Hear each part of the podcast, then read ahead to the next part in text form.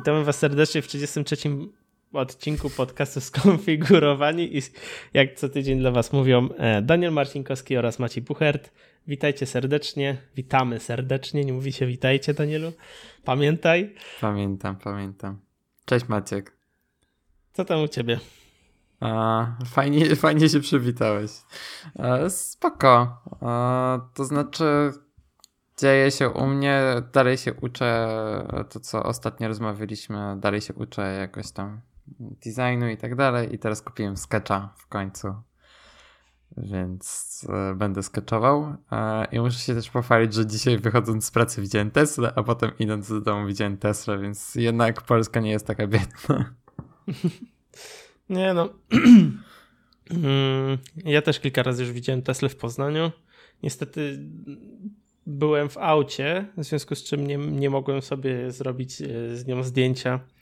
W Poznaniu jest bardzo dużo. Ja w Warszawie właśnie widuję wszystkie albo na warszawskich, albo na poznańskich rejestracjach. Właśnie wiesz, jedna, którą widziałem, SK była na poznańskich. Ta wiesz, dzisiejsza. Co, myślę, myślę, że to jest spowodowane tym, że blisko jest serwis. Tak, w Berlinie. No. no, także to jest chyba najważniejsza rzecz. E, Prawda. Dobrze, Danielu, skoro zacząłeś o, o autach, e, to jeszcze tylko dopowiem, co mnie się dzieje. Um, nie dzieje się nic ciekawego, znaczy się e, czekam na paczki e, z Black Friday. Znaczy, już jedna jedzie do mnie z szczoteczkami. Ale jest problem, znaczy musiałem do urzędu celnego wysłać informację, co to jest za, co to jest za paczka, co tam się zawiera dokładnie, skan e, dowodu, znaczy tego, potwierdzenia wpłaty, mm, transakcji yy, i tak dalej, i tak dalej. Takie głupie rzeczy, których kurde według mnie nie powinny w ogóle być. Ja wiem, że to jest kwestia tego, mm, że to jest jakieś często firmy, które jakoś transport, nie, nie, transportują, ale sprzedają te produkty, obchodzą waty i tak dalej, i tak dalej. I ludzie tutaj to a, chcą jak najbardziej unikać, ale no to jest bardziej dla, dla ludzi, dla nas, a nie dla mm, jakichś tam sprzedawców, nie? Hmm. No ciekawe, to nie jest jakoś mega droga ta szczoteczka, co nie? No to 100 parę złotych. W sumie zapłaciłem 300 złotych łącznie z dodatkową przesyłką od DHL-a, żeby przyszło szybciej. W sumie te mi bendy pewnie przychodzą tak często, że nawet nie będę musiał się męczyć z takimi rzeczami. No pewnie tak, pewnie tak. No. E, dobra, to jeżeli chodzi o samochody, co już, już zatizowałeś temat, e, to dzisiaj powiemy w naszym cotygodniowym kąciku motoryzacyjnym wyjątkowo nie o samochodzie elektrycznym, ani nie o hybrydowym, chociaż równie dobrze moglibyśmy też porozmawiać o nowych londyńskich taksówkach, które w sumie są ciekawe. W sumie możemy o tym porozmawiać, ale... Dobrze. Ale najpierw porozmawiajmy o nowym Lamborghini Urus. Nie Ursus, nie coś tam, tylko Urus. To jest ciekawa nazwa. E, I tak, z, rzeczy, które nas interesują. Pierwsza jest taka, że ma CarPlay, więc e, w końcu jest względnie tanie, bo nie kosztuje nie wiadomo ile pieniędzy to Lambo. E, w końcu względnie tanie Lambo, które ma CarPlaya. E, wcześniej jedynym Lamborghini, które miało CarPlaya było Centenario. Tak, tak, tak on się nazywa, Centenario. Ma autopilota, co jest mega ciekawe. I są w ogóle trzy pakiety tego autopilota. Jeden jest do jazdy na mieście, drugi jest do jazdy po autostradach, a trzeci to jest taki wypasiony, który ma wszystko i jakby spokojnie można nim tam sobie jeździć po różnych e, lokalizacjach, niezależnie od tego, czy to jest miasto, czy e, autostrady. E, jest dosyć szybki, w sensie rozpędza się do setki w 3,6 sekundy. No, powiedzmy, że spoko ale to, to nie jest poziom Roadstera, który kosztuje w sumie tyle samo. No ale jakby to jest też SUV, więc jakby szanujmy się. No jest e... dużo większy i cięższy, nie? No tak, czekaj. No Model X, jakie ma przyspieszenie? Model X uh, specs. Tak z ciekawości, no bo jakby to, to też jest SUV. Już mówię. Aha, muszę się, muszę się zareagować na stronę Tesla. What? Maciek, czy pamiętasz, jakie ma przyspieszenie? Roadster? Model X. Nie Roadster, Model X. E, oczywiście, że nie. E, ale czy to jest ważne? No dobra, no to nie, w każdym razie, jeżeli się nie mylę, to ten Urus jest, e, jest, jest szybszy niż Model X. Na pewno ma prędkość maksymalną większą, bo to jest 305 km na godzinę, co jak nasuwa to jest e, na, nawet tłumaczę, jak na Lambo to wcale chyba nie jest tak jakoś dużo. No i ta cena 200 tysięcy dolarów za super ultra luksusowego suwa. Szczerze nie wiem, czy to jest tak jakoś mega dużo. Spodziewałbym się więcej, szczególnie po Lamborghini. Mm, no, również spodziewałbym się czegoś więcej, ale e, zastanawia mnie, e, dlaczego tak, znaczy wiesz, jak, jako że to jest Lamborghini, no to chyba mogli sobie postawić cenę dużo wyżej, a wydaje mi się, że właśnie tym, co robi Tesla, chcą jakby no, dorównać, nie? W, pew w, pewnym sensie tak, wiesz, to jest znacznie bardziej luksusowy samochód niż Model X, no i znacznie droższy niż Model X. A, jakby to jest, wiesz, to też cały czas mówimy o podstawowej cenie, bo jeżeli dodamy te wszystkie opcje, to obstawiam, że to się robi nagle 50 tysięcy dolarów więcej. No ale kurczę, jest autopilot. To mnie mega zdziwiło. W sensie. Znaczy, jakby jeszcze zrobili wersję hybrydową, to już w ogóle byłbym w szoku. Ale dodanie autopilota to, to jest ruch, którego nie spodziewałem się trochę po Lamborghini i w sumie ciekawie, że to zrobili. Mm. No myślę, że to ten. za, za kilka, nie wiem czy za kilka, czy za kilkanaście lat stanie się to tak. Mm, nieodłącznym elementem auta jak tempomat aktualnie.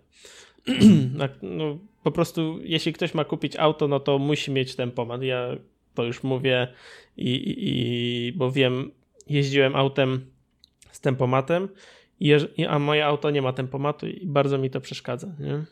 Czyli tempomat jest, że masz e, ustawioną stałą prędkość, tak? Tak, dokładnie. Masz, to jest tak, że E, ustawiasz mu minimalną prędkość jazdy, jaką ma osiągnąć, nie? Czyli ustawiając mu 100 na godzinę, ty możesz przyspieszyć do 140 na przykład, żeby kogoś wyprzedzić na autostradzie i możesz z powrotem puścić e, gaz i on zjedzie do 100 mm, km na godzinę i, i będzie już, już tą prędkość utrzymywał. No jest jeszcze też ogranicznik, a ogranicznik działa w drugą stronę, nie? No tak, tak, tak.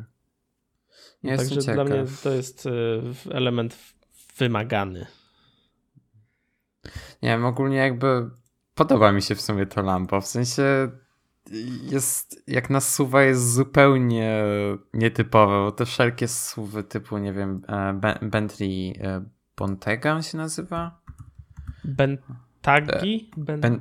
Benta... Bentaga chyba.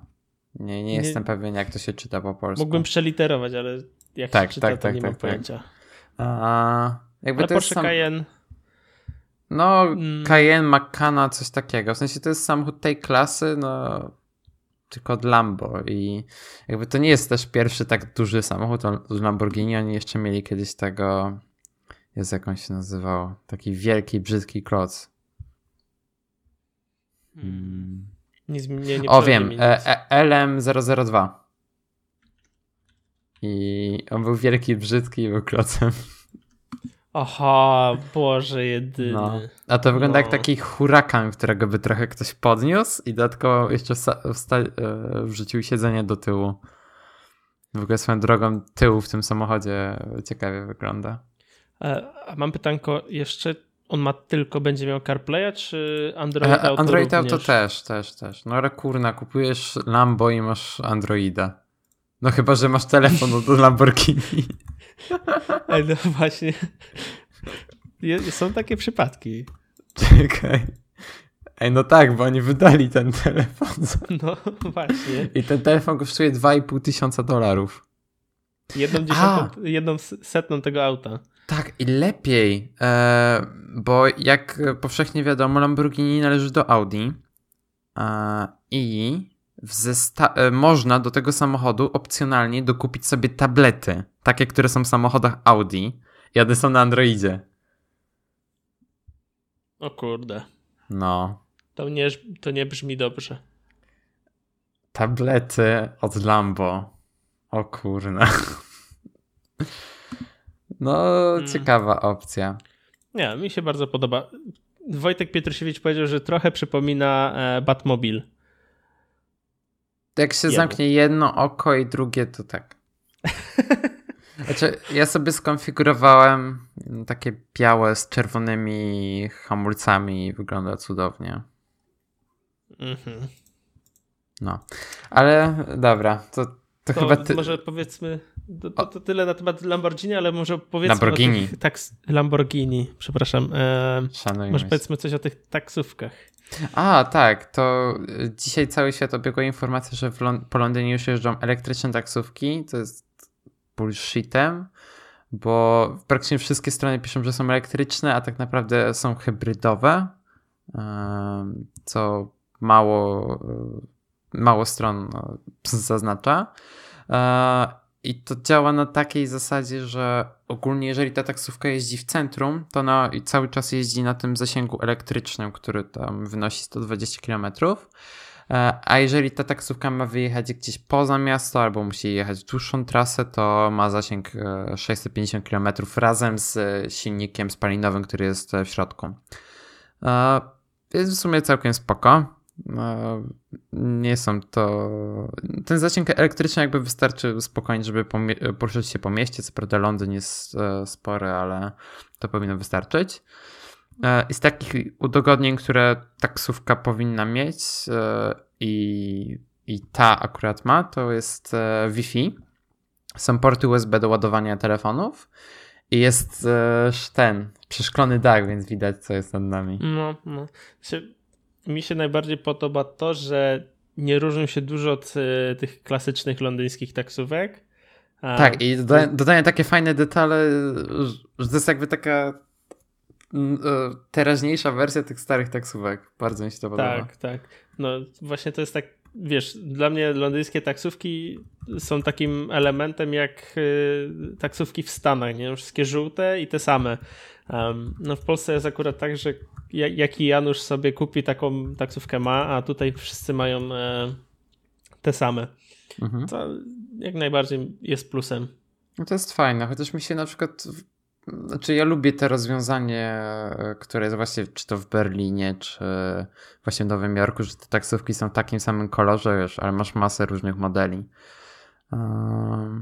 No ale właśnie to, że te wszystkie taksówki są takie same w, w, w Londynie, to, to jest bardzo fajny element jakby wystroju nawet w sumie tego miasta. Przejechałbym się. Ja też bym się przejechał w sumie tak tylko dla, dla e, popatrzenia jak się jeździ, bo tak naprawdę tutaj nie liczy się prędkość maksymalna, nie liczy się o ile ma od 0 do setki, a właśnie bardziej komfort jazdy, no bo po mieście nie będziesz e, próbował od 0 do setki przyspieszać. Czy wiesz, tu nawet nie chodzi o komfort jazdy jakby taksówkarza, ale raczej chodzi o komfort e, tak, tego przejazdu dla pasażera i jeżeli no, chodzi dokładnie. o jeżeli masz Wi-Fi na pokładzie, e, no właśnie Wi-Fi i te ładowarki, no to jest e, naprawdę, naprawdę spoko. Ja by, jak byłem w UK, to te taksówki są wszędzie w Stanach, e, w UK. są wszędzie w Anglii i właśnie jak byłem w Birmingham... Byłeś w UK w Stanach, tak? Tak, tak. Jak byłem właśnie w Birmingham, to tam też jeździły te takie black caby, ale nie miałem okazji się akurat przejechać, więc następnym razem jak będę w UK albo właśnie w Londynie już w ogóle, to będę polował, żeby się przejechać taką taksówką. Wiesz co, jakoś tak, znaczy, może za, grani za granicą z tego co wiem jest inaczej, ale w Polsce jest tak e, rozpropagowany dobry zasięg LTE, e, że no nie wiem, czy, mu, czy musiałby, czy chciałby mi się specjalnie łączyć do Wi-Fi, żeby... Nie, no nie, to, to akurat nie, ale jakby wiesz, w Polsce jest też o tyle dobrze, że pakiety internetowe są bardzo tanie. No właśnie, i duże no, są te pakiety. Właśnie, i duże, a tak jak rozmawiałem z moim hostem Airbnb, to ceny pakietów internetowych w Niemczech to jest tragedia. Ja też tam z tego co wiem, to chyba płacą euro za 30 mega w jakiejś tam Nawet... sieci komórkowej. No to jest no. mega dużo. Nawet nie wiem, ale jakby to jest e, bardzo, bardzo drogie. No i w Polsce jest naprawdę tanio. Tak. No. Także to tyle, jeżeli chyba chodzi o nasz e, cotygodniowy kącik motoryzacyjny? Czy, tak, czy mamy jeszcze jakieś tematy? Nie, ja nic nie mam. Dobra, no to, to, to bez odbioru. Yy, ale mam tematy inne niż yy, auta. Yy, mianowicie już jakiś czas temu mówiłem o aplikacji mojego znajomego, kilku nawet znajomych, e, która nazywała się Flips. I dla przypomnienia, Flips to jest taka sieć komputerów połączonych do wykonywania pewnych obliczeń i tak dalej, i tak dalej. No i e, teraz ona wystartowała, jest w fazie bety, alfy, coś w tym stylu. Mm, I już możecie zdobywać punkty dla, e, żeby tam za udostępnienie swoich zasobów. Ja mam e, aktualnie 678 punktów, a żeby mieć na przykład PS Plusa na miesiąc, to muszę 5000 zebrać. No i to jest, wiecie, jak tak sobie patrzyłem, no to w ciągu 30 dni musicie mieć odpalony komputer około 9 godzin. No i no nie każdy pracuje 9 godzin dziennie na komputerze, żeby to zrobić. No ale w, o tyle jest fajne, że możecie na przykład mm, na jednym koncie, na które, na które się rejestrujecie, możecie um, używać kilku komputerów w jednym czasie. Albo w moim przypadku to jest tak, że mam to na, na służbowym laptopie i na laptopie, e, jak mam podpięty do ładowarki, no to mi wtedy e, tam przetwarza te dane, a jak się odłączę od ładowarki, no to już mi nie przetwarza, oszczędza mi baterię. No jak wracam do domu, tak jak teraz e, nagrywamy, tak mi ten Flips działa. Mm. No i też mm, sporo pytań się pojawiło, bo ja opublikowałem te informacje na Jest Wąsaczach. No i też tam sporo pytań się pojawiło, czy to jest bezpieczne, e, co z systemami Linux i macOS. I na te systemy będzie aplikacja, no nie ma jej aktualnie, ale będzie. Czy to jest bezpieczne? To jest bezpieczne, ponieważ e, w rzeczywistości wasz, ta aplikacja tworzy wirtualną maszynę, która jest odseparowana od wa waszej, e, waszego komputera, w związku z czym operacje, które są wykonywane są w 100% e, nie, znaczy nie, nie jesteście nikt nie jest w stanie podejrzeć, co wy macie na komputerze, w związku z czym według mnie jest to bezpieczne. Dużo więcej możecie poczytać na pewno tam na, e, na stronie flips.io flips.io, tak. E, mm, I też na Facebooku jest grupa chyba Flips Alpha Team, gdzie możecie pisać o błędach, gdzie możecie e, pytać i tak dalej, i tak dalej. Um, ja, ja tam z racji, że jest to mojego znajomego projekt, kil, znaczy kilku znajomych, no to jak najbardziej mm, będę ich wspierał i używam od, od kiedy tylko mogę tej aplikacji. Mm. No i co mogę więcej powiedzieć? To jest tak, że ty na tym zarabiasz, tak? Ale um, twórcy znaczy, aplikacji kopią bitcoiny, czy co oni kopią? Nie, nie, oni nie kopią bitcoinów. To jest tak, że ty udostępniając zasoby swojego komputera e, pozwalasz na wykorzystanie jej przez jakiś tam biznes, jakiś biznes, na przykład do, no tam filmik był na, na, na stronie Flipsa jest o tym, że jakiś właściciel firmy tworzy inteligentne, e, inteligentną sztuczną inteligencję i potrzebuje bardzo dużej maszyny do obliczeń jakichś tam jakichś, no i te obliczenia możesz, mo, możesz wykorzystać przez Flipsa. tam dokładnie um, na Flips e, jest też opisane, jakie rzeczy możecie, jakie rzeczy będą wykonywane na um, na, waszym, na, na waszych komputerach. I to jest Big Data, Internet of Things, Machine Learning, Rendering, bioinformatyka, testy i tak dalej, i tak dalej, nie? No i takie rzeczy są wykonywane na waszym komputerze um,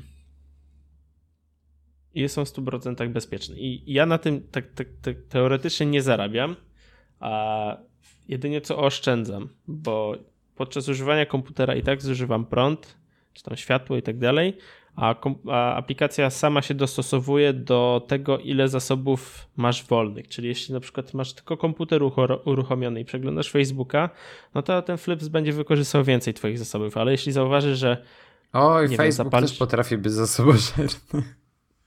Dobrze, to, to Twitter. Wypraszam. No, to, Twitter to już. Zmienia.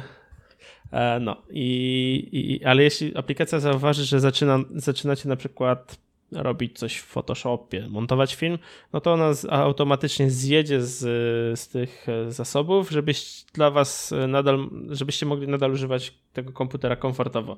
I szczerze, ja odpo, podpalę teraz menadżer zadań i u mnie Flip zżera 0,8 procesora i 7, 80 MB RAMu. To nie jest o 1%, dużo. 1,1. No to nie jest dużo, a punkty i tak są zdobywane. Nie wiem na jakiej zasadzie są zdobywane punkty, w sensie ktoś tam zaproponował, żeby z automatu, żebym ja mógł sobie ręcznie ustawić, ile chcę zasobów im e, dawać, nie? No i przez co punkty leciałyby szybciej, nie? Mhm. E, ale to jest tam kwestia, wiesz, to do. Mm. I tak jak mówiłem, nie zarabiam na tym, ale oszczędzam, bo wy, wy, mając odpaloną tam aplikację, jestem w stanie e, sobie sfinansować za darmo na przykład PS Plusa na miesiąc, e, iTunesa na 10 dolarów, tam Google Play na 75 zł, y, na 50 zł, Spotify na miesiąc za darmo. A wiem, że mają dodać Netflixa i tam tysiące różnych jeszcze mają, do, mają ten. Kwestia podpisania umowy. Okay. E, mnie ciekawi, czy będzie Amazon dodane. Nie wiem, czy wiesz. W sensie Amazon.com do książek. Jakieś gift cardy do Amazonu, tak? Tak, tak, tak, tak. Konkretnie do Amazon.com, mm. bo tam stamtąd cię kupię książki na Kindle. Mm, tego nie wiem. A, a dużo już e, zarobiłeś na tym?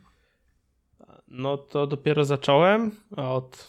Czekaj, od kiedy ja. Sprawdzę, kiedy ja publikowałem na Jest Wąsaczem. Praktycznie wtedy zacząłem. E, wtedy zacząłem, że tak powiem, zbierać punkty.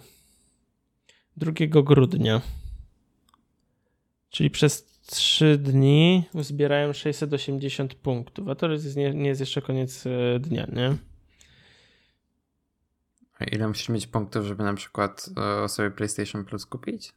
5000. No, okej. Okay. Najdroższe o dziwo jest Google, e, Google Play, nie? 50 zł na Google Play to jest 7,5 tysiąca. Hmm. Sprawdzę, czy, się, czy jestem w stanie w ciągu miesiąca zdobyć 5000 punktów, a ile bym musiał, co musiałbym zrobić, żeby mieć na przykład iTunes na 10 dolarów i, i PS Plusa. Na 10 dolarów na iTunesie to już jest spoko. No dokładnie. Także ja podsyłam wam linka w notatce, możecie to testować. Naprawdę to jest bezpieczne, bo y, sama metoda, czyli wirtualna maszyna e, jest e, bezpieczna, więc no, nie jesteście w stanie utracić żadnych danych, ani nikt nie jest, znaczy, no nie będą, nie, nikt nie jest w stanie się do, dostać do waszych plików. No. Maciek approved. Tak, dokładnie. Maciek approved. Mm, ale mam też drugi temacik um, i to też tak odnośnie trochę taksówek e, w, e, w Londynie, a mianowicie Uber. Tak jak ty powiedziałeś, że w Niemczech Uber podaje dokładną cenę, tak teraz jest to w Polsce. A, I co ci Ale to chyba ciekawe... tylko w Poznaniu, bo ja, ja nie mam dok dokładnej ceny. Ja miałem dokładną cenę i ta, taka cena była, bo aż się zdziwiłem, jaki miałem przejazd. I już ci mówię. Mhm. Jaki miałem przejazd ostatni. Mm. Dokładnie zrobiłem. Czekaj. Podsumowanie przejazdu. Tu nie mam. To jest odcinek 5,5 km za 4 i, złote i 5 groszy. Okay. I tyle mi ściągnęło z karty. 4 złote i 5 groszy? Okay. Poczekaj, zapłaciłeś poniżej 10 zł. E, tak. Jakim cudem? Nie wiem. Bo... Poczekaj, ja uspoko uspokoję tylko kapę, zajmij naszych słuchaczy. Okej, okay, bo nie wiem czy wiecie, ale Uber ma minimalną stawkę 10 zł i dlatego jestem trochę zdziwiony, że Maciek zapłacił tylko 4,5 zł. A ja już uspokoiłem kapę. Czy słyszałeś co mówiłem? Nie, nie słyszałem, bo mam na słuchawkach. A, a bo normalnie w Uberze minimalna stawka to 10 zł. Wiesz co, czekaj. Dlatego tak mnie zdziwiło, że zapłaciłeś 4,5. Chyba, że jechałeś na splicie. Nie, Uber Popem zwykłym takim. A miałeś jakąś zniżkę? splita. Czy? Ty, właśnie jest jakaś zniżka 10 zł, ale to nie rozumiem dlaczego. Może ktoś wykorzystał mój kod. Może. Ale w, w drugą stronę za to zapłaciłem 11,82. To też nie jest dużo. 5 km za, za taką cenę to jest mega dobra cena. Yy, no, ale podaje mi dokładną cenę i tyle mi ściąga z konta, więc yy, zachód już ma. Czekamy na, na, na Warszawę. Może kiedyś. Yy, no. Ja, ja czekam na Uber Courier, żeby można było zamówić sobie kuriera po prostu. Hmm, na rowerku. Z punktu A, A do B, tak? Tak, w sensie, żeby rzeczy przewoził. Mm, no, w Nowym Jorku na przykład działa coś takiego, gdzie możesz sobie po prostu wezwać Ubera i przewieźć coś. W sensie, to jest wiem, rowerem, wiem, tak? To jest małe, małe paczki, tak? Tak, czy, rowerem. Czy meble, meble też mogą wozić rowerem? Nie, nie, nie. Takie małe paczki. I, e, mo, można co prawda zwykłego Ubera sobie zamówić do tego, ale mi ostatnio pan kierowca powiedział, że nie. Bo nie. I, i tyle. No bo mu spalanie wzrasta. Nie wiem. Ale ten. No, znajomi często na przykład laptopy sobie przewozili, czy coś bez problemu. To w mojej firmie by to się przydało, bo mm, fabryka Fibaro mieści się w centrum, prawie w centrum Poznania, a e, no to jest, no, no dobra, to nie jest centrum, ale to też nie są obrzeża, a główna siedziba firmy jest na obrzeżach. No i często administracja jeździ z punktu A do B i tylko paczki przewozi, a tak Uberem by e, mogliby, mogliby przewozić. MyTaxi ma taką opcję, gdzie można zaznaczyć po prostu, że to jest przewóz paczki. MyTaxi nie ma w Poznaniu. Jeju. Jest, jest iTaxi. Ojej. W sensie, no. nie, nie wiem, nie mam tego iTaxi instalowanego, bo mi się aplikacja nie podoba. Ja też nie mam, bo nie mam. Bo My mam taxi, Ubera. MyTaxi jest ładne. ja mam MyTaxi, Ubera i jeszcze jest to Taxify. No. Mm -hmm. Ale to mniejsze. Mm. Ode mnie to wszystko. Dobra, to ja mam parę, jeszcze jeden taki mały temat. E, otóż dzisiaj, czyli e, jest 5 grudnia, wy tego, tego słuchacie 6 albo jeszcze później. E, Spotify wydało podsumowanie 2017 roku. Możecie po prostu wejść w link, który jest w opisie i wygenerować sobie podsumowanie roku. A przy okazji wygenerować sobie dwie playlisty. Pierwsza to jest to standardowa z właśnie z waszymi najpopularniejszymi utworami, które słuchaliście w 2017 roku. Top 100. Tak, top 100. A druga to jest The Ones That You Got Away. I to są piosenki, które odkryliście w tym roku. I też jest ich sporo. E, jest ich 30. No ale to są, to jest... Aha, to jest 30. Hm. 30, no. Więc możecie sobie wygenerować dwie playki i, i e, słuchać sobie. E, ja sobie zrobiłem ten... Tam jest, chyba, tam jest chyba nawet ten taki mini quiz? Tak, to, tam jest taki mini quiz, w którym zaznaczacie którego artysty waszym zdaniem najczęściej słuchaliście, jaki gatunek i jaką piosenkę i... To na podstawie y, statystyk mówi tak. wam, czy dobrze odpowiedzieliście, czy nie. Tak, i ja tylko w jednym miałem rację. Ja też. Tak, nie, bo, bo u mnie był taki problem z ulubioną piosenką, że, znaczy z najczęściej słuchaną piosenką, że słuchałem e, bardzo dużo e, znaczy, najczęściej słuchałem piosenek z nowego albumu Old Jane. tyle, z nim, tyle, że z nim był taki problem, że one wychodziły najpierw na singlu, a, a potem dopiero wyszły e, raz na albumie. I problem był taki, że z tego co zauważyłem, Spotify mi nie zliczało tego razem, jako ok, słuchałeś In Cold Blood z, z singla i z albumu, to zaliczymy ci do jednego. Nie, oni mi to zaliczyli osobno. I przez co y, Old J o dziwo nie było najczęściej słuchaną piosenką, znaczy piosenki, piosenka RJ nie była najczęściej słuchaną przeze mnie piosenką na Spotify, tylko była tylko to... Zenon, Zenon Martyniuk. Nie, You're Mine od Fantogram to jest piosenka, która była w reklamie HomePoda. Eee, no, ale RJ jakby cały czas jest najczęściej słuchany przeze mnie wykonawcą, więc to, to, to bez e, problemu zgadłem. E, I też się zdziwiłem, bo mam teraz e, Jezu, gatunek Modern Rock i wcześniej nie widziałem takiego gatunku nawet na Spotify, więc zaznaczyłem Alternative Rock, ale to nie było to. Mm, ja jeszcze nie przeglądałem dokładnie tego. Znaczy kliknąłem tylko zobaczyć sobie ile czasu spędziłem, ilu y, artystów słuchałem i ile piosenek. I tam chyba wyszło 26 tysięcy minut. Wow. Ja, no ja mam 18 tysięcy, ale jeszcze w międzyczasie z Apple Music korzystałem, więc... No, tak. a, a, masz to? A masz to w Apple Music? A masz to? No nie mam, właśnie nie mam. No nie masz. No dlatego korzystam z obu. Takie, takie życie Apple usera. No yy. nic. E, to, to tyle w temacie Spotify. I mam dalej mam tematy dotyczące trzech aplikacji. E, I pierwszą aplikacją jest Forecast od Marco Armenta, czyli e, dewelopera, który stoi za Instapaperem, za Overcastem i w ogóle jest super famous i tak dalej.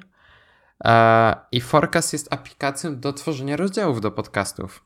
I to jest ciekawe, bo wcześniej jedyną w miarę znaną aplikacją, którą kojarzyłem, z której zresztą sam korzystam do tego, e, jest podcast Chapters, które kosztuje 20 dolarów, z czego na promocji niedawno było za 10 dolarów.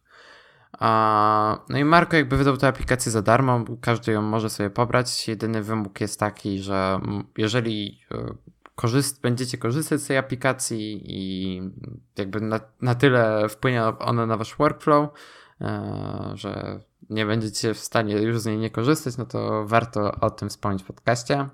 Więc wspominamy, mimo tego, że nie będę korzystał, ale czemu to zaraz powiem. I tak, no albo można wykupić reklamę u Marco to e, w Overcastie, o czym wpisał na swoim blogu. Kupmy. E, ale, ta, tak, patrzyłem ceny. nie. Ile to, tysięcy? Nie, nie, to są ceny zagraniczne stricte. W sensie my ani grosza nie mhm. zarabiamy na podcaście. Plus, cóż.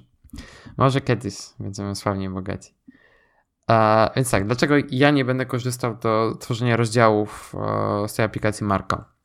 Przede wszystkim pierwsze, co mnie masakrycznie wkurza, to jest brak możliwości pod, e, przesłuchiwania ścieżki live. E, ja nie robię tak, że daję najpierw markery w GarageBandu, a w GarageBandzie, a potem dopiero dodaję te e, dodaję te chaptery, tylko ja to robię w taki sposób, że e, w podcast chapters ma taką opcję, że mogę sobie na bieżąco słuchać tę ścieżkę i potem po prostu klikam sobie plusik w momentach, kiedy chcę dodać nowy rozdział. I to jest tyle. To jest mega intuicyjne, mega proste, świetnie to działa.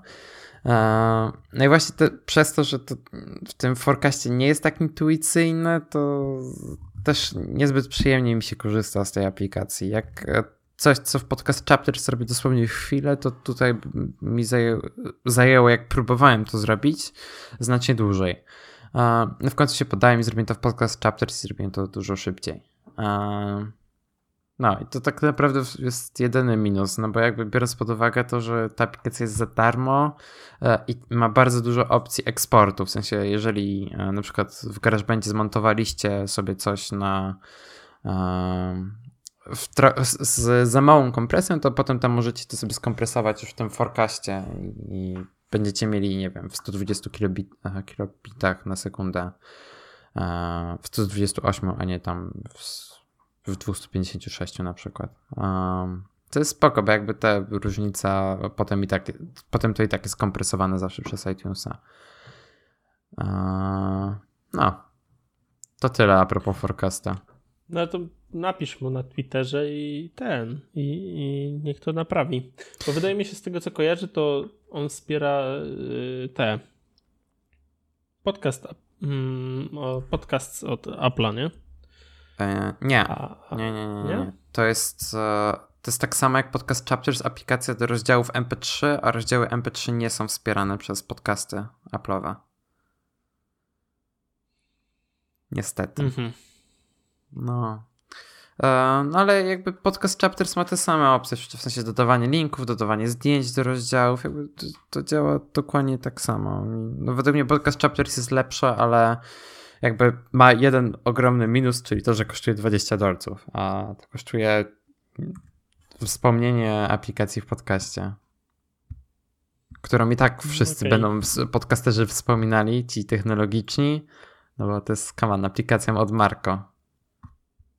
Chociaż okay. ja, na, ja na przykład nie jestem fanem Overcasta, ale Instapaper, chociaż już nie należy do Marco, bardzo lubię. Okej. Okay. No. E, e, to tak jeszcze w, w kwestii podcastów, to e, możecie nas słycha, słyszeć, słychać? Słuchać.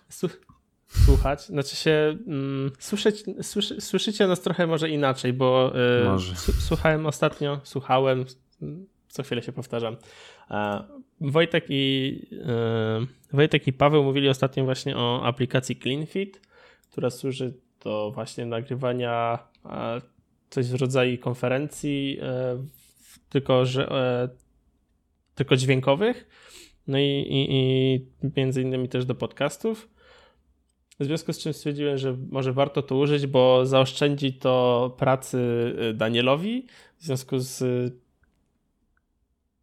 o, o, obróbką, a, obróbką tej, tej, tej ścieżki, żeby to w, jak to się mówi, żeby ustawić odpowiednio ścieżki względem jedna względem drugiej. Chce się zsynchronizować.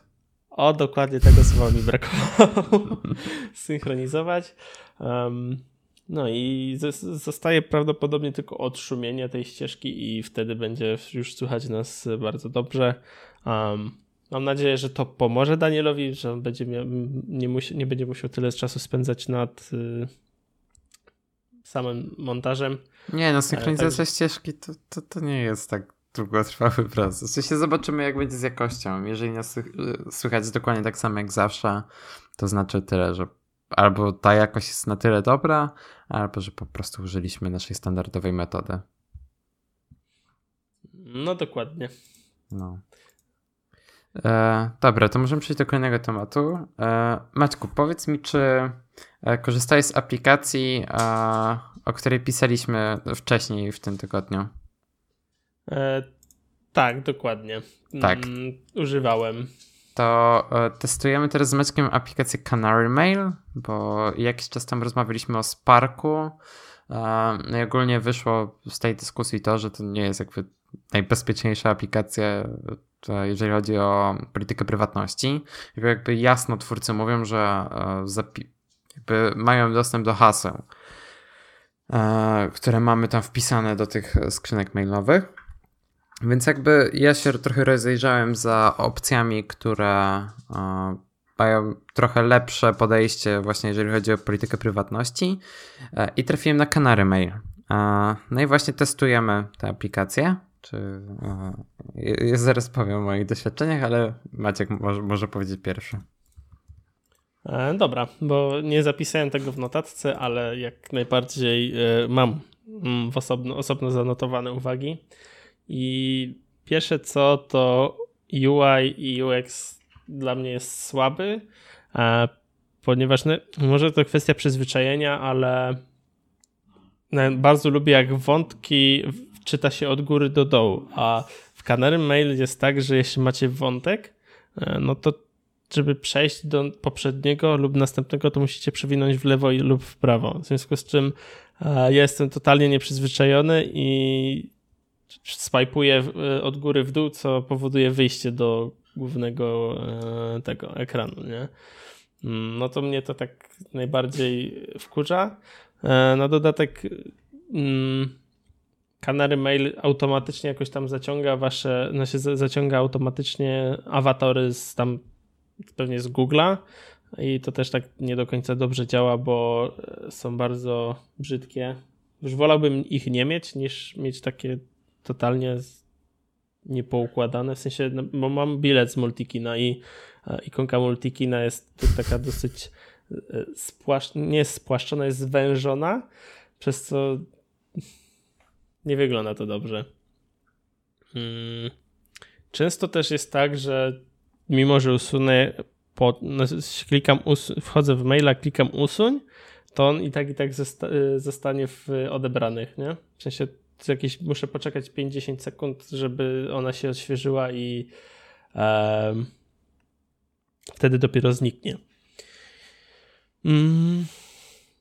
I tak w kwestii mojego podsumowania, jeśli ktoś bardzo, bardzo sobie ceni to bezpieczeństwo i tak jak Daniel powiedział, Spark ma dostęp do haseł, tak Canary Mail e, nie ma. E, Canary Mail też obsługuje szyfrowanie PGP, czego też nie każdy klient pocztowy ma. No na iOS to... chyba żaden. Mm... Znaczy nie, się, nie, jestem fi... nie jestem pewny, ale wydaje mi się, że na iOS-a żaden. E, wiesz co, w firmie mamy, e, wszyscy, wszyscy mamy certyfikaty mm, do szyfrowania i do podpisywania maili i tam my używamy tego, tego basica, nie wiem, jak tam jest SH 256 chyba, nie, nie jestem do końca pewien i a, to akurat działa na iOSie. I okay. fakt faktem te certyfikaty chyba nie są darmowe, trzeba je kupić. To to ten, to nie ma problemów, żeby podpiąć na Macu, na Windowsie, na mm, iOSie, ale za to na Androidzie jest. Nie znaleźliśmy na razie aplikacji, która obsługuje e, właśnie certyfikaty, których my używamy. No ale jeśli, y, tak jak dla mnie, mail jest dodatkową, e, dodatkowym narzędziem komunikacji, a nie jest konieczny, no to powinien jednocześnie być jak najprostszy no i powielanie schematów e, z innych aplikacji byłoby jak najbardziej dla mnie spoczko, czyli tak jak na przykład właśnie te od góry do dołu mm, wątki w jakimś tam temacie. Tak nie jestem w stanie się przyzwyczaić do tych e, swipe'ów lewo-prawo, bo bo na wysokości ekranu e, jestem w stanie zobaczyć kilka wątków tam pomniejszonych faktem, ale kilka wątków, e, znaczy kilka odpowiedzi w jednym temacie, nie? A tu muszę jednak przeswajpować do poprzedniego e, i, i ten. I to nie jest do, dla mnie do końca fajnie. Mm. Mhm. Ja, ja nie przykładam większej wagi do maila i mimo, że E, lubię być na bieżąco z mailem. Nie lubię, jak mi coś wisi w skrzynce i pokazuje mi się ikonka, że jest coś nieodczytane, to, to nadal dla mnie mail jest tylko dla klepania różnych rzeczy. W sensie mail jest narzędziem do potwierdzania różnych spraw. W sensie, jak ktoś mówi zrób mi to, to ktoś powinien to klepnąć i ta osoba to klepie najczęściej mailem, nie? E, I tyle. I dla mnie mail na, na tym się kończy mail. Bardziej dla mnie w, na, na, bardziej ważne jest narzędzie kalendarza w Exchange'u niż maila. Ja, jeżeli chodzi o mnie, to mam skanery taki problem, że on mi po prostu bardzo źle działa. W sensie e, dodałem sobie do niego wszystkie moje maile przez Maca i miałem włączoną synchronizację iClouda. I po jednym dniu, jak znowu się zalegowałem na komputerze i chciałem odpalić jego Canary Mail, patrzę, że jedyne konto mailowe, jakie zostało, to mój iCloud, a wszystkie inne nagle zniknęły. Okej, okay, tak spoko. I ogólnie, nie wiem, mam też jakieś dziwne problemy, że jak mam te, e, jak mam wiadomości w inboxie, jak do nich wejdę, to mi tam poniżej gdzieś się pokazują jakieś mega stare maile, których już dawno nie mam w inboxie i tak te aplikacje mają strasznie dziwny UX i E, tak jak, jak kojarzę, że jak kupiłem Maca, to z niej korzystałem z jej pierwszej wersji, to wtedy było naprawdę spoko i dobrze się korzystało z tej aplikacji. To teraz kompletnie nie rozumiem jej UX-u i dziwnie się z niej korzysta, bardzo dziwnie. I to na Macu, i na iPhone'ie, i E, sam interfejs średnio mi pasuje. E, plus w ustawieniach jest dużo, dużo za dużo opcji według mnie. W sensie ja rozumiem personalizację i tak dalej, ale jakby wszystko ma swoje granice i to w Kanary przemian na Maca jest mega wszystko ściśnięte. E, ciężko się połapać, co tak, co tak naprawdę w danym momencie e, zmieniamy, ustawiamy i tak dalej. I no nie jest to zbyt fajne. Podoba mi... Myślałem, że to... Aha, no dobra, to mów, mów, mów. No, podoba mi się, jak to jest w Sparku, bo w Sparku to jest wszystko naprawdę fajnie zorganizowane, łatwo się z tego korzysta i jakby nie ma problemu ze znalezieniem jakichś opcji. E, tak, w Kanary Mail jest tak dużo tych opcji, że właściwie nie wiadomo na czym się skupić. E, plus na przykład teraz mam taki case, jak odpaliłem sobie na telefonie i na Macu, to na Macu mi nie wyświetla wiadomości, które mam w inboxie, na iPhone'ie mi ją wyświetla, no i w Sparku mi wyświetla, no bo Spark działa tak jak powinien działać, czyli dobrze. E, no nie wiem co myślę, w sensie miałem dobre nadzieje co do tej aplikacji, no trochę szkoda. Miałem, myślałem, że właśnie tak czytałem tą notatkę jeszcze przed odcinkiem odnośnie właśnie Canary i myślałem, że to ja jestem e, źle nastawiony do aplikacji, ale ty też powiedziałeś, że sporo rzeczy ci się nie podoba, w związku z czym e, trochę mi użyło. Co jeszcze odnośnie synchronizacji, bo specjalnie sobie ustawiłem powiadomienia na Sparku na, e, i na Canary Mail, mm, żeby przychodziły wszystkie maile. No i przyszedł jakiś mail, najpierw Spark, trzy minuty później Canary Mail. Co jakby, no nie wiem, czy to kwestia ich serwerów. Ja do końca nie wiem, jak działa, jak działa um, aplikacja, jak ta aplikacja działa, czy ona się łączy bezpośrednio do uh, serwerów, czy to jakoś inaczej idzie. No ale chyba bezpośrednio. Może mieć fetch ustawione zamiast push. Nie, nie. Sprawdziłem konfigurację, wszystko jest dobrze. E, znaczy wszystko jest tak samo w Sparku i w Kanary i, i no nie działało to tak dobrze. W związku z czym, no jakby ja rozumiem bezpieczeństwo, e, um, no ale już niech se mają te hasło w Sparku moje, a, a jakby zawdzięczam dzięki temu jakąś tam prostotę i bardzo przyjemnie mi się jednak korzysta ze Sparka i bardzo żałuję, że nie mam tej aplikacji na Windowsa. No na Windowsa raczej nie będzie, ale e, co zapowiedzieli e, twórcy, ma być niedługo wersja na Androida. Więc. Sparka? Tak, Sparka. Więc będę starał się każdego przekonać do e, używania Sparka, jeżeli nie ma problemu z, tym, z tą polityką prywatności. Ale co ciekawsze, ma być niedługo wersja 2.0 Sparka.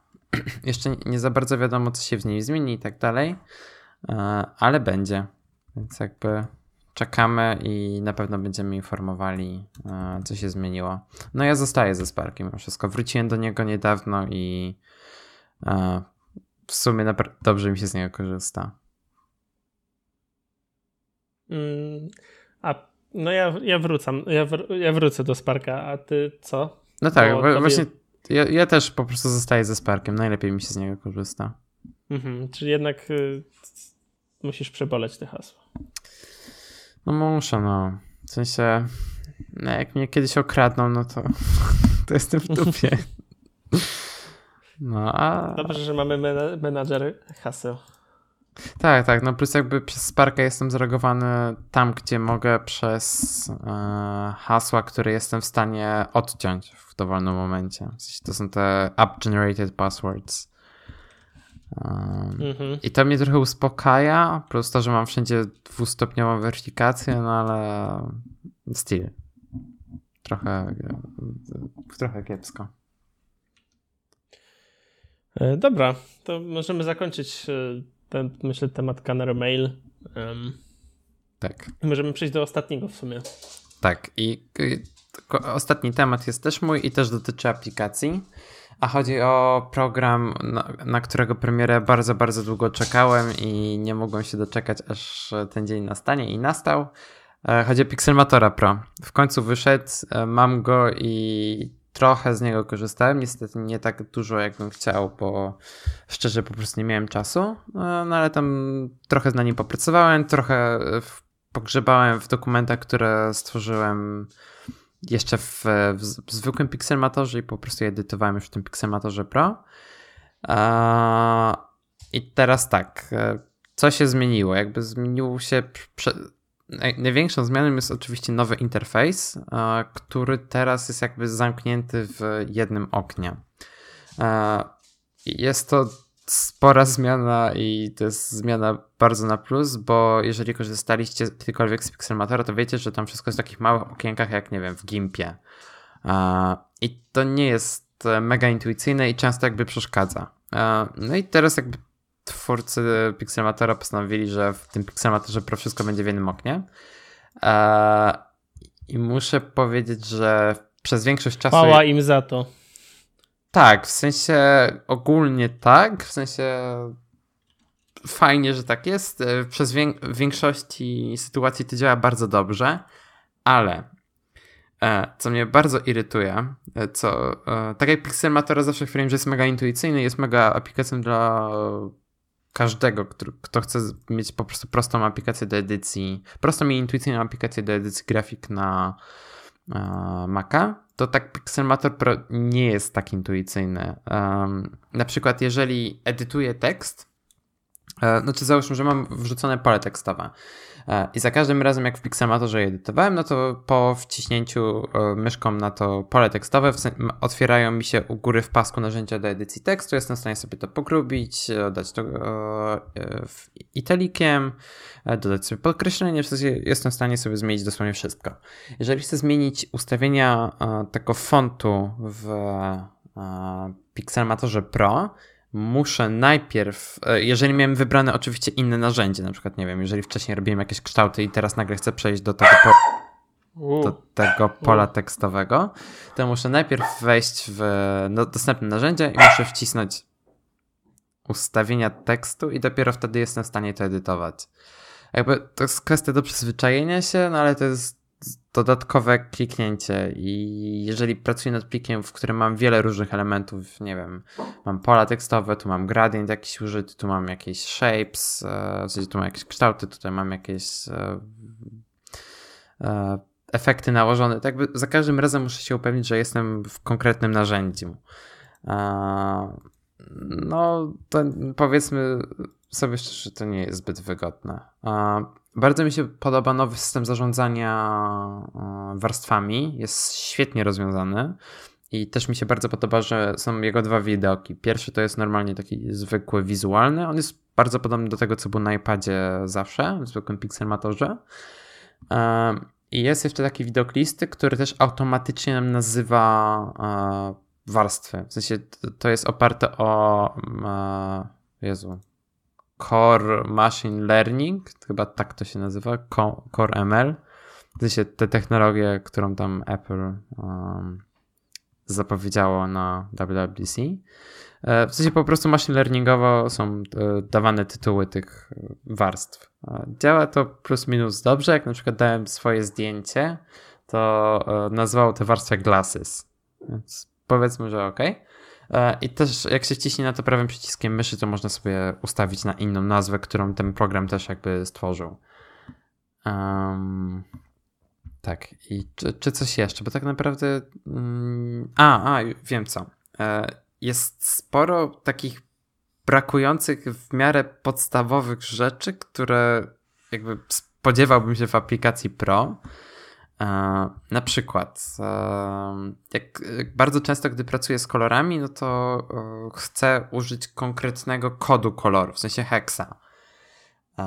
I na przykład, gdy nie wiem, dodawałem sobie jakieś gradienty w zwykłym Pixelmatorze, no to mogłem sobie wpisać hex jednego koloru, hex drugiego koloru, no i mi wychodził ładny gradient. Nie wiem czemu, ale w Pixelmatorze Pro przy wielu narzędziach nie mogę w ogóle wpisywać hexów kolorów. W sensie w ogóle w Pixelmatorze Pro. Nie w zwykłym, tylko w Pro. A, trochę mnie. Możesz jakikolwiek, e, na przykład RGB? Tak, znaczy mogę sobie wybrać kolor, wiesz, z e, koła koloru. Z palety. Tak, z, pal z, palety, ale nie mogę sobie wpisać e, kodu koloru. Mhm. Mhm.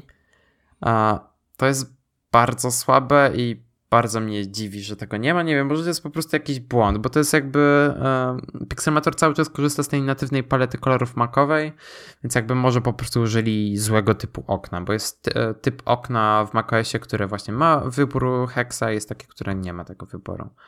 E, mam nadzieję, że to się pojawi w przyszłym update'cie, jakby to już Pixelmatorowi zgłaszałem na ich forum. E, I też, e, co ja co prawda z tego tak często nie korzystałem, ale zdziwiło mnie, że tego nie ma. Nie ma masek. W sensie po prostu nie ma masek. I e, dużo ludzi z tego co widziałem na forach Pixelmatora na to narzeka. Ja się wcale nie dziwię, bo jakby to jest dosyć podstawowe narzędzie, szczególnie w aplikacji Pro. No, więc tak naprawdę podsumowując na chwilę obecną, e, kupiłbym tego Pixelmatora tylko dlatego, że jest na e, obniżonej cenie, e, ale wstrzymał się z, pe, jakby z pełnym korzystaniem z jego możliwości, dopóki nie wyjdzie pełna wersja. Jakby to też to moje zdanie jest oparte dopiero na, nie wiem, godzinie, dwóch korzystania z tej aplikacji, więc jakby nie sugerowałbym się jeszcze aż tak bardzo, żeby na przykład nie kupić tego programu, mimo tego, że bardzo chcieliście. Jakby to cały czas jest świetny program. W ogóle jest e, teraz dużo więcej opcji, jeżeli chodzi o rysowanie. W sensie ilość pędzli, ilość ustawień pędzli to jest masakra i ale na przykład nie może się doczekać e, Pixelmatora Pro na iPada, który ma wyjść w przyszłym roku. Właśnie ze względu na te ustawienia dla tych pędzli. E, I to jest super. I jakby ta aplikacja rozwinęła się w bardzo dobrym kierunku, no ale jakby jest jeszcze parę tych rzeczy, które po prostu muszą e, dodać. No. Tylko Photoshop. Nie. W sensie, ja, ja, nigdy nie byłem fanem rozwiązań Adobe, plus jakby rozwiązania Adobe są bardzo drogie. A no, Pixelmatora Pro kupujesz raz i, i masz go na zawsze. A nie, nie, jakiś czas temu, jak jeszcze tak do, do nawiązując do Adobe, ostatnio mieli jakąś konferencję, na której mm, pokazywali nowe narzędzia, którego nie, nie pamiętam jak się nazywa. Adobe ale... Experience Design? Nie. w sensie do, do to czego? Do, do, dotyczyło te narzędzie e, postprodukcji materiałów wideo. I załóżmy, że nakręcałeś jakiś kadr budynku, no ale w kadrze ci się nagle nawinęła lampa to tylko obrysowujesz tą lampę, w sensie zaznaczasz na jakim, jaki obszar ma usunąć i odpowiednio to usuwa. Noż to kurde jest tak genialne. Ja muszę to znaleźć. Ja A to, to jest w notatce. w Premiere Pro po prostu jakaś funkcja, tak? Czy to jest osobna aplikacja? Hmm, chyba tak. Chyba w Premiere Pro to jest. I to jest. I, i było też. Pokazali tam też ludzi idących po jakiejś tam. Hmm, jakiś wąwozie chyba szli. I też usunęli ich. Oni byli głównym kadrem e, na wideo i po prostu ich zaznaczyli i usunęli. I pokazali to też, jak to działa, jak ten e, ich program się uczy, znaczy rozpoznaje ruch, e, gdzie ten element się porusza, żeby go wyeliminować. I to no, wydaje mi się, że to działa na takiej zasadzie, że bierze klatkę w tą, w którą musi usunąć i bierze kilka klatek dalej albo wcześniej i porównuje i wtedy usuwa, nie? Tą postać na przykład y, z kadru albo tą, ten element.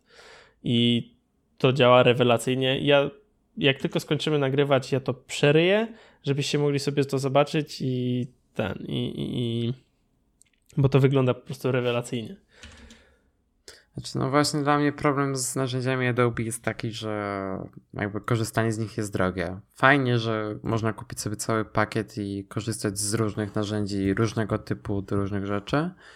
Um, ale jakby wydaje mi się, że teraz jest na tyle dużo tych alternatywnych opcji, że jakby nie trzeba być wcale zależnym od e, Adobe. No, sam właśnie Sketch, o którym mówiłem na początku, jest świetną aplikacją, jeżeli chodzi o grafikę wektorową i projektowanie interfejsów. Jakby Adobe trochę dopiero raczkuje, jeżeli o to chodzi, ze swoim Experience Design, ale jakby wiadomo, Experience Design będzie bardzo popularny, no bo to jest produkt od Adobe. Ale jakby Sketch jest już na tyle powszechnym narzędziem, że wszędzie, gdzie szukacie jakichś resursów, e, czy to na przykład to, nawet na stronie Apple, jak macie wytyczne dotyczące designu, no to tam jako resource e, są pliki do Sketcha. E, no, no to tak samo na Maca czy na Windowsa nawet są programy od Affinity. Na Maca jest bardzo dużo programów tych Pro od Apple, w sensie jest Logic Pro X, jest Final Cut Pro, są aplikacje do jakby prezent, do tworzenia koncertów na żywo i tak dalej. Jest e, sporo tego. No i one, to, to są wszystko one-time payments. To nie jest aplikacja, to nie są aplikacje w modelu subskrypcyjnym, tak jak w e, Creative Cloud. Mm, Okej, okay. E, to ja już to znalazłem. To się nazywa Project Clock. Czy to nie jest zegar, to jest C-L-O-A-K. Wrzuciłem do notatki Cloak, ten materiał. W sensie projekt Peleryna, tak? Tak, tak, dokładnie. I, i, tam, I to nie jest do Premiere Pro, tylko to jest do After Effects i tam trzecia minuta możecie sobie obejrzeć, jak, no, fakt faktem widać, że to jest w becie, bo gościu to e, majstruje w tym, w terminalu, ale jesteście w stanie zobaczyć jak, e, tam dokładnie to sobie zobaczcie 3.35 sobie do nie Możesz zobacz. dodać e, z tym, z tak, ramą timestampa.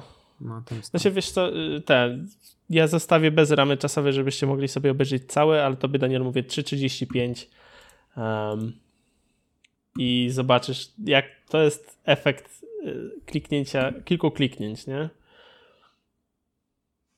A kurczę. No bo jak ja to zobaczyłem, to szczena mi opadła i ręce też. Nie no, wygląda to super, ale tam znaczy, dalej ja... też... Yy... A, tu jeszcze jak o, elementy. tam dalej 4.25 też jest widać, jak uży... oni usunęli jakiś tam mini element z koszulki gościa, nie? Tak, tak, a potem całych tych ludzi po prostu. Tak, no po prostu to jest niesamowite. No a, ciekawe. Dobra. Ej, czy w ogóle na scenie jest gościu z tego, z e, Silicon Valley? Tak. To mm, jest on. Tak. Okej, okay, dobra. Fajnie. No nic, dobra. To chyba to tyle w tym odcinku. E, oczywiście, to tyle. No. Także dziękujemy Wam serdecznie. E, zapraszamy Was do lajkowania na Facebooku, do obserwowania na Twitterze, mm, wystawienia recenzji na, mm, na iTunesie. I do zobaczenia, do, nie do zobaczenia, do usłyszenia e, za tydzień. Do usłyszenia, cześć.